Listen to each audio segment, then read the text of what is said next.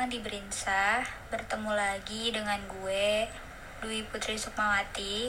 Di segmen kali ini gue bakal bacain cerita horor lagi dari akun Twitter bernama reader underscore reader. Buat kalian yang penakut, jangan dengerin sendiri ya. Aku bergantung di kota kecil ini. Sebagaimana tulang punggung menyangga tubuh untuk terus berdiri dan berjalan. Apa yang bisa lelaki berumur 30 tahun lebih yang masih bujang tanpa pendapatan pasti ini dapat dilakukan? Selain bekerja tanpa arah, yang penting masih ada untuk makan. Dari kuli ngaduk hingga kulit tinta kulakukan semuanya. Berkebal komputer Pentium, saya men- untuk kemudian diserahkan kepada media cetak minor. Sedikitnya kuliah jurusan bahasa dan sastra Indonesiaku yang harus tamat tanpa selesai ada gunanya juga. Memang tak besar, tapi justru hal-hal besar dimulai dari yang kecil. Anggap saja sebagai pelarianku yang masih belum dapat penghasilan tetap. Setidaknya status penulis koran terdengar lebih elit daripada pengangguran. Jika hanya apakah cerita-cerita hantu yang kutulis itu asli atau tidak, sejujurnya aku akan menjawab dengan tawa kencang. Mana mungkin? Memang berapa sering orang mengalami kejadian mistis dalam hidupnya. Jika aku bekerja dengan menulis cerita yang harus berdasarkan kisah nyata, bisa-bisa saya mati kelaparan. Sayangnya, itu juga yang menjadi akar masalahku dengan editor. Kenapa masih ngarang bebas gini, Nan? Ya, ini kesekian kalinya dalam bulan ini editorku marah-marah. Kan yang penting kolomnya keisi, bah. Aku berusaha membujuknya. Kalau bagus sih nggak apa-apa. Lah ini, anak SMP aja masih lebih bagus. Jadi ditolak lagi nih. Aku memastikan. Maunya saya terima, tapi meskipun koran kecil, kita juga nggak mau nama kita makin jelek. Paham? Ya, gaya khas abah nyindirnya begini. Iya, iya, saya paham.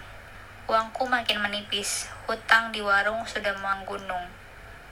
Jika tak dapat uang seminggu ini, aku tak tahu bagaimana menutupi wajah karena malu.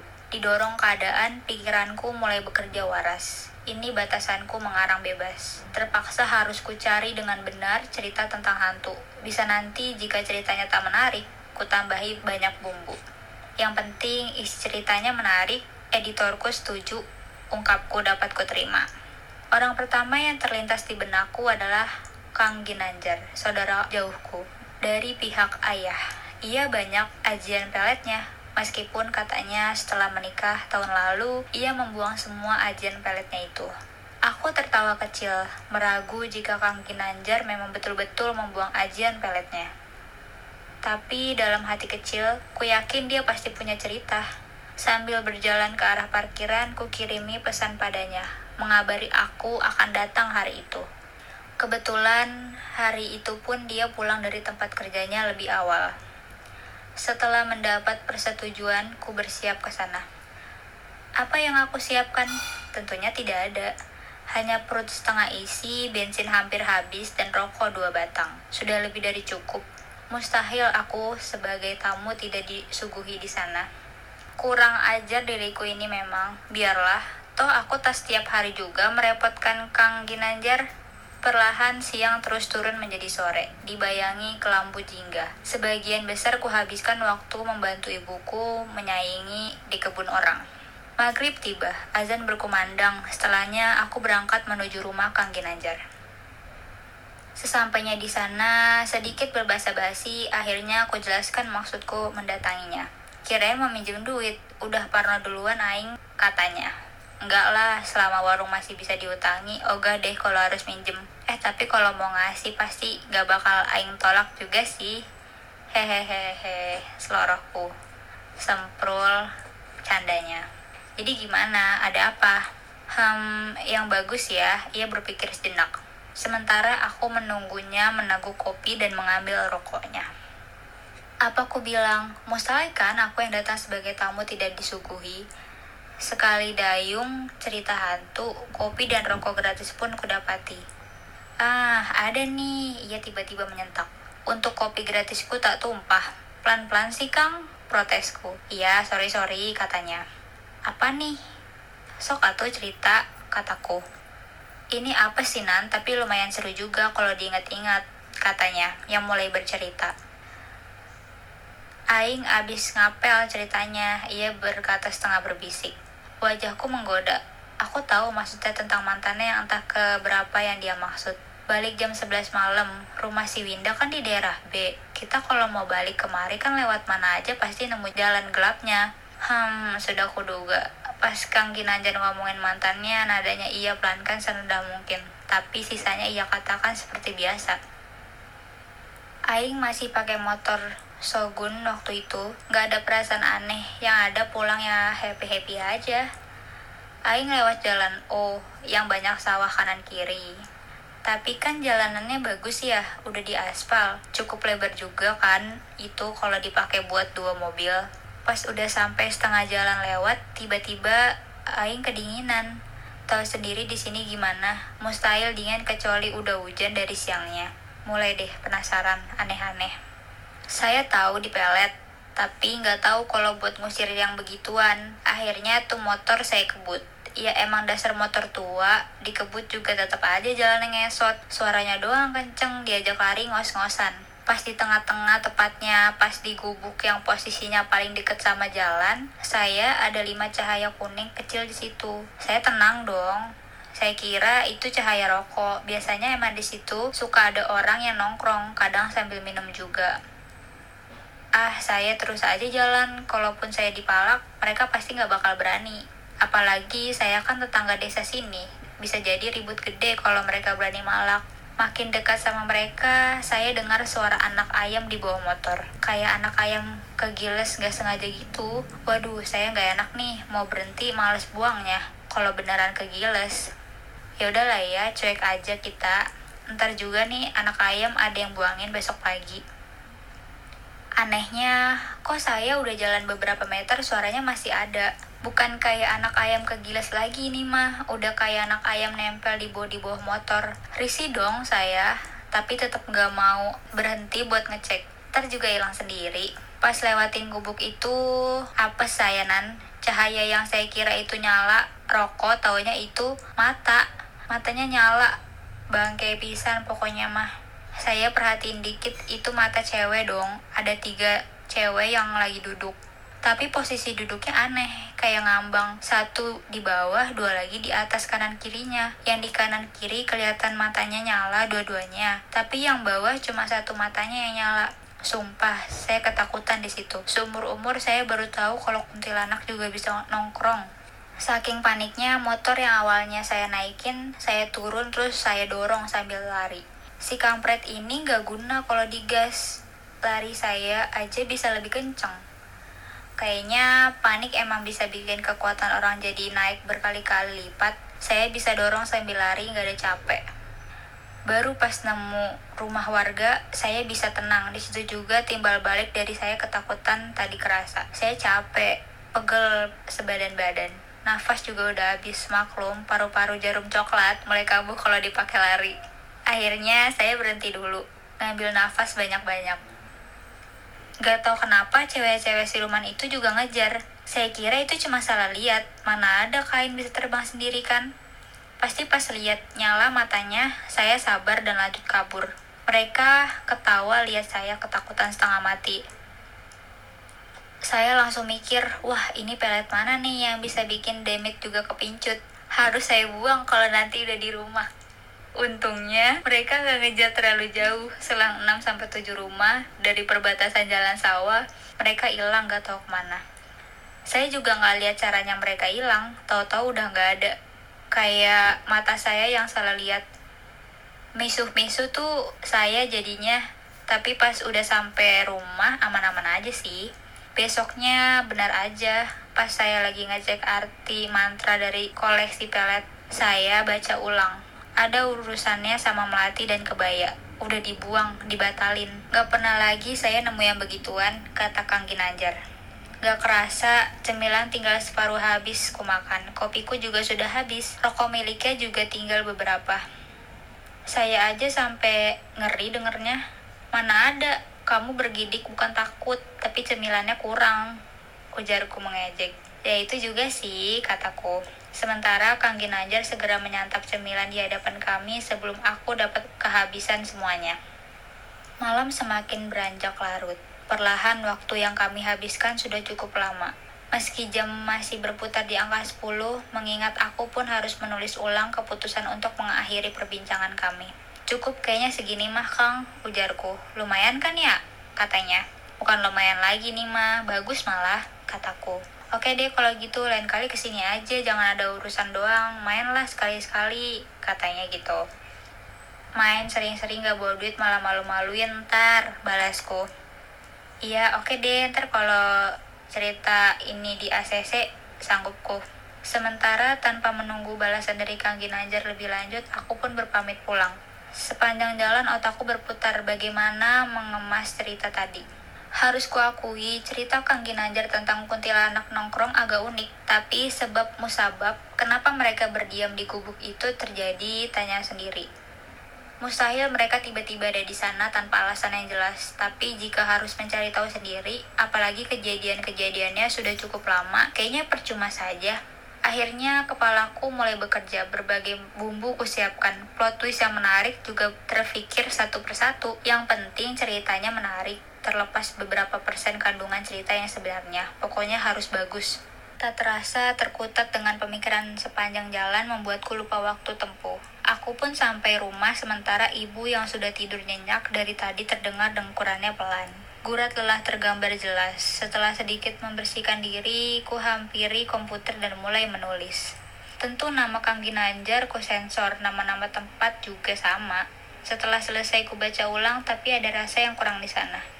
Beberapa bagian ku ganti, alurnya ku ubah sebagai sedikit kompleks. Endingnya yang harusnya Kang Ginanjar tak terjadi apa pun, ku buat sedramatis mungkin. Urusan penampakannya yang ia lihat biasa saja, untuk ukuran cerita horor ku ubah sedemikian rupa. Penampakannya harus terlihat menyeramkan, hantu itu wajahnya harus menakutkan, ku gambarkan dalam cerita sedetail mungkin. Aku terus menulis, mengedit, melakukannya berulang-ulang. Hmm, hmm, Suara gumaman pelan terdengar berbisik. Seketika ku hentikan kegiatanku sebentar. Ku dengarkan pandanganku ke segala penjuru kamar, mencari asal suara yang tiba-tiba menggangguku. Namun keheningan menjawabku. Tak ada apa pun yang kulihat, suara itu tak terdengar lagi. Salah dengarkah? Aku mengusap wajah, memijit dahi dan mataku, mungkin kelelahan. Saat aku berbalik lagi dan berniat untuk melanjutkan, Tiba-tiba ada suara ketawa. Aku dengan cepat berbalik lagi, menghadapkan wajahku ke lemari. Sekali lagi ku cari suara apa itu. Jendela di samping kasur juga tak terlihat ada sesuatu di sana. Ini kedua kalinya aku memulai meragukan bahwa apa yang ku dengar hanyalah imajinasi karena kelelahanku. Tak ingin terus berpikir aneh-aneh, ku akhiri semuanya. Aku menyimpan file itu, mematikan komputer dan bersiap untuk tidur. Saat ku ingin mematikan PC yang terletak di kolong meja, pergelangan tanganku seperti digenggam oleh sesuatu yang dingin. Sontak aku kaget dan tubuhku melompat dengan sendirinya. Wah, aku berteriak sambil menjatuhkan diriku ke belakang. Tapi di kolong meja komputer, kosong. Aku tak melihat apa pun yang dapat memberikan sensasi dingin ini di pergelangan tanganku seperti barusan. Saat ku tenggelam dalam kebingunganku, samar ada bayangan yang terlihat melintas dengan cepat di jendela. Bayangan itu putih, seperti seseorang berlari. Di sini pikiranku mulai kacau. Seluruh tubuhku bergetar ketakutan. Jantungku berdegup tak karuan. Seolah instingku sedang memberitahuku bahwa ada sesuatu yang tak menyenangkan sedang terjadi. Aku segera berdiri, berniat menenangkan diri. Itu cuma hayalan, bukan apa-apa, kataku. Bahwa ini hanya perasaan takut tanpa alasan yang jelas. Perlahan aku berjalan mundur sambil terus memperhatikan jendela dan kolong meja komputer. Aku perlu melihat dari sudut pandang lebih jauh, barangkali ada sesuatu yang kulewatkan. Tap, empuk. Punggungku menabrak sesuatu yang terasa empuk. Aku ingat betul belakangku ini harusnya lemari. Meskipun lemari plastik tapi mustahil rasanya akan seperti ini.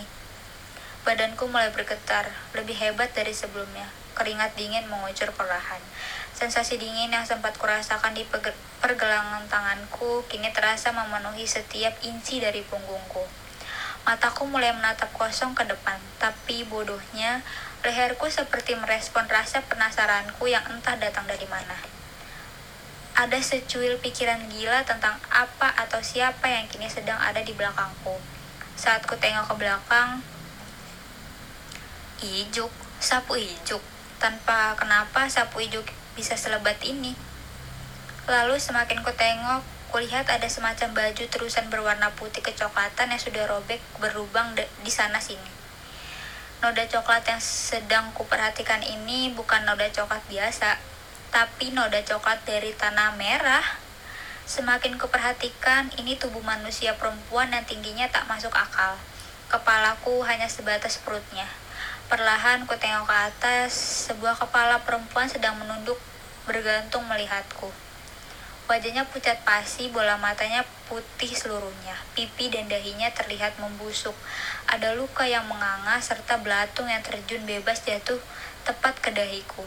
Ia tersenyum tersenyum sangat amat lebar, seolah bibirnya disayat dari telinga kiri ke telinga kanan. Allahu Akbar, tergagap-gagap kuucapkan takbir. Tak ada alasan, hanya kata itu yang dapat kuingat saat melihat makhluk sepertinya. Berbarengan dengan teriakanku, tubuhku bergerak cepat mundur, berlari keluar kamar. Aku sempat terjatuh tepat di daun pintu, menyebabkan bunyi yang keras sebelum bangun dan terus berlari menuju kamar ibuku. Sementara ibuku yang terbangun karena suara keras yang kusebabkan melihatku heran. Kamu kenapa? Katanya. Aku yang masih tergagap takut tak mampu menjawabnya, hanya tanganku yang menuju ke arah kamarku. Apa? Ada apa? Tanya ibuku kembali. Udah tua juga masih aja begini, takut? Tanya ibuku. Halah, malu-maluin sama umur udah bujang tua penakut lagi. Gimana nanti kalau punya istri dan istrimu lagi hamil gede ibu terus mengomel sambil bangun dari tempat tidurnya. Nulis terus setan terus duit dikit. Kapan kayanya? Kapan kawinnya? Capek. Mama tunan ibu terus mengomel. Kesal. Aku tak punya tenaga untuk kesal. Rasa takutku terlampau besar kurasakan. Tepat ketika membuka tirai dan pintu kamar, ia buka lebar-lebar, semilir angin hangat menerpa kami berdua. Diiringi bau busuk bangkai bercampur melati basah, pergi keluar melalui celah udara. Ibuku seketika tertegun, kulihat bibirnya bergerak, samar ku dengar ia melantunkan ayat suci. Lalu setelahnya, heran, almarhum bapakmu itu pemberani, gini doang pasti dia tantangin. Lah ini, anaknya, ngumpet sama maknya kayak anak ayam. Ia mengomel sambil menatapku kesal. Aku tertunduk malu, apalagi sepanjang karirku menulis cerita hantu, baru kali ini aku mengalaminya sendiri. Udah sana, lain kali kalau kuntilanaknya cantik, pakuin kepalanya, kali aja jadi manusia, bisa jadi mantu ntar. Mamaku masih mengomel, mengibaskan dasar batiknya lalu kembali ke kamar.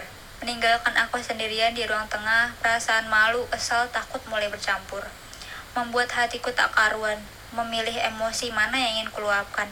Ma, ma, jadi ma, gak keberatan kalau Adnan kawin sama setan. Aku memastikan, tapi lebih ke melupakan rasa malu dan kesal padanya. Daripada gak laku-laku, lumayan kan bisa bantuin mama beres-beres rumah? Jawabnya asal. Aku bersunggut kesal. Aku tahu mama tidak serius, tapi caranya mengejekku kali ini cukup dalam ku terima. Satu hal jika dari pengalaman ini bisa kuambil, bercerita boleh, menulis boleh, menceritakan pengalaman yang lain pun tak masalah, tapi jangan keterlaluan, karena bisa jadi mereka juga membacanya. Tersinggung lalu menampakkan dirinya dengan rupa seperti yang kita bayangkan untuk menegur.